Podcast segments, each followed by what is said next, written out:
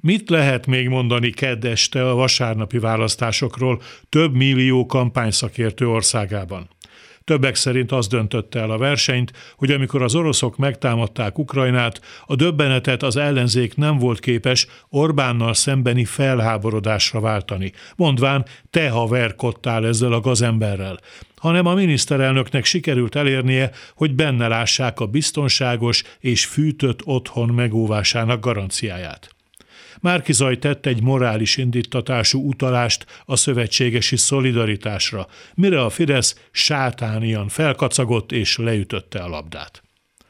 Tartok attól, a dolog nem olyan egyszerű, hogy máskor ne papoljunk annyi erkölcsiségről, mert a lényeg a zsebben és a hasban rejtezik. Nem hinném, hogy Kisvárdától Nagykanizsáig az önző emberek vannak többségben, Budapest viszont kivétel.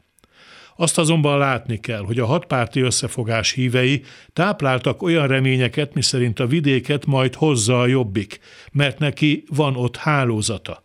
Nem hozta. A jobbik korábbi szavazói a reméltnél sokkal kisebb arányban voksoltak az összefogásra. A kampány közben derült ki, hogy a Jobbiknak nem csak a szavazói bázisa, hanem az aktivista hálózata is jelentős mértékben köddé vált nem volt elég ember, aki agitáljon az összefogás jelöltjeire. Az egész országra rátelepedő Fidesz oligarchia ellenében semmi szükség ennyi pártra, amelyek mindegyike csak Budapest határáig lát.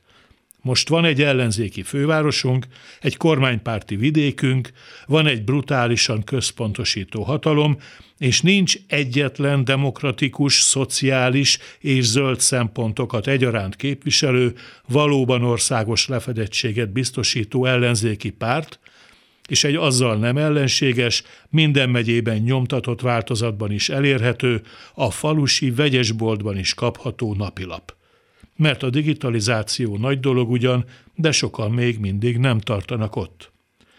És ha valaki siránkozik azon, hogy megint van viszont mindenre négy évünk, attól szeretném megkérdezni, miért, ha holnap Orbán nyakába szakadna csőstől a sok gazdasági baj, és egy álmos vasárnapon valaki körbe küldené a felcsúti beszéd MP3-as felvételét, akkor tudná itt mozgósítani előrehozott választást követelő, elsöprő erejű országos tüntetés hullámra. Nem csak a Kossuth térre, hanem mondjuk Szombathelyen és Nyíregyházán is. Jó estét kívánok, Kárpáti János vagyok. A hírek után kezdünk.